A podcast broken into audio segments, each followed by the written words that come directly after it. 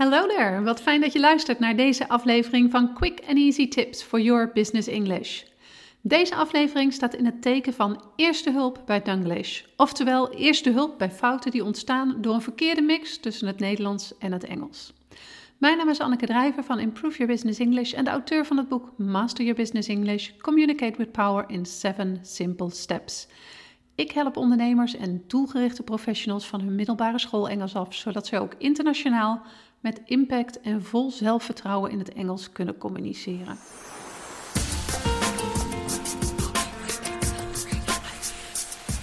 Mocht je de term Dunglish niet kennen, het woord is een combinatie van de woorden Dutch en English.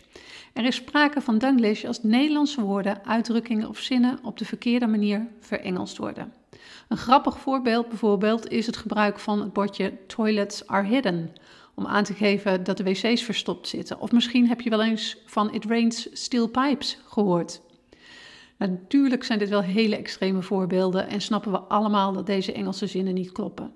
Toch zijn er ook genoeg minder extreme voorbeelden van fouten. Het probleem bij Nederlands en Engels is dat de talen behoorlijk wat van elkaar weg hebben. Ze stammen namelijk uit dezelfde taalfamilie en, daarom en hebben.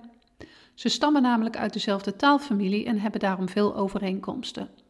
Omdat de talen zoveel op elkaar lijken, werkt logica in veel gevallen goed. De Engelse variant van een Nederlands woord is soms goed te gokken, maar helaas gaat het ook vaak verkeerd. Als jij weet waar veel Nederlanders de mist in gaan, weet je ook waar jij extra op moet letten. Zo kun je onnodige fouten voorkomen, want Dunglish in zakelijke teksten is echt een no-go. Daarom volgen hier vier typische voorbeelden van Dunglish.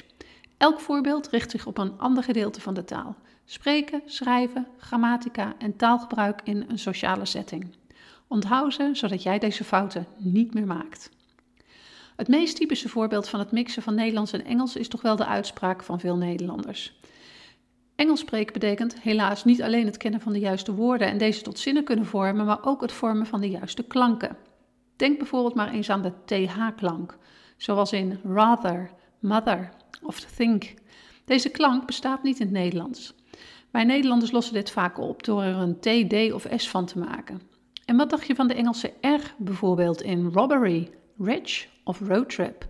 Zoals je hoort, wordt dit heel anders uitgesproken.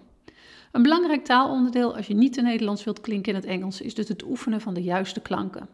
Dit kan bijvoorbeeld door bewust op de Engelse klanken te letten tijdens het luisteren van Engelse muziek of bij het kijken naar een Engelse film, zodat je goed weet hoe ze klinken. Probeer ze vervolgens na te doen. Practice is key. Het volgende voorbeeld van een gebied waar Nederlanders al snel de fout ingaan, is niet in het spreken, maar in het schrijven. In het Engels worden namelijk sommige woorden die wij met een kleine letter schrijven, met een hoofdletter geschreven. Wist je bijvoorbeeld dat alle weekdagen in het Engels met een hoofdletter geschreven worden? Handig dus om je zakelijke teksten eens te checken op dit feit. Het is namelijk voor ons zo vanzelfsprekend om de weekdagen met een kleine letter te schrijven, dat we er in het Engels vaak helemaal niet over nadenken dat het ook anders kan zijn. Als je meer wilt weten over hoofdlettergebruik in het Engels, kun je daar een artikel op ons blog over lezen. De link daar naartoe vind je in de beschrijving van deze podcast. Een derde aspect wat vaak vergeten wordt, is dat de volgorde waarop woorden in een zin staan anders is. Zinsvolgorde verschilt namelijk per taal. Bewust of onbewust heb je alle regels van de Nederlandse taal inmiddels aangeleerd gekregen. En zeg je daarom bijvoorbeeld geen ik moeite met Engels de taal heb, maar weet je dat de juiste volgorde is: ik heb moeite met de Engelse taal. Zo kent ook het Engels eigen regels en gewoonten als het gaat om zinsvolgorde. Een van de belangrijkste punten waarop het Nederlands van het Engels verschilt is de plek van tijd en plaatsbepaling in de zin. In het Nederlands kun je bijvoorbeeld zeggen: Ik heb aankomende dinsdag een sollicitatiegesprek, waarbij de tijdsbepaling aankomende dinsdag midden in de zin staat. In het Engels geldt dat tijdsbepalingen een vaste plek in de zin hebben helemaal vooraan of helemaal achteraan. Dat geldt ook voor plaatsbepalingen. Je kunt dus niet de Nederlandse volgorde aanhouden, want als je dat letterlijk zou vertalen, zou het eruit komen als I have next Tuesday a job interview.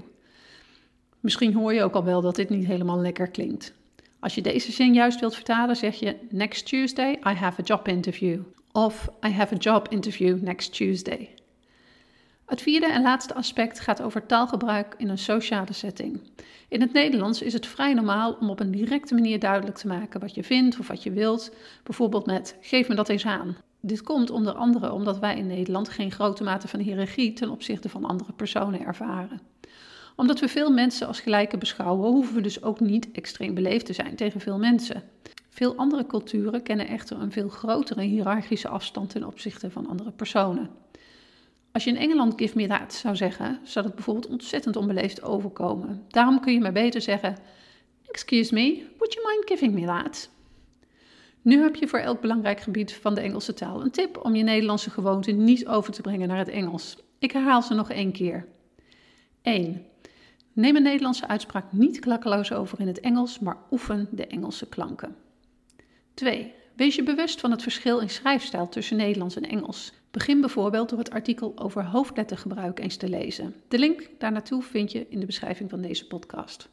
3. Wat betreft grammatica. Het werkt bijna nooit om een Nederlandse zin woord voor woord te vertalen naar het Engels, omdat je te maken hebt met een verschil in zinsvolgorde. Wees je daarvan bewust bij het schrijven van Engelse teksten, maar natuurlijk ook in je spreken.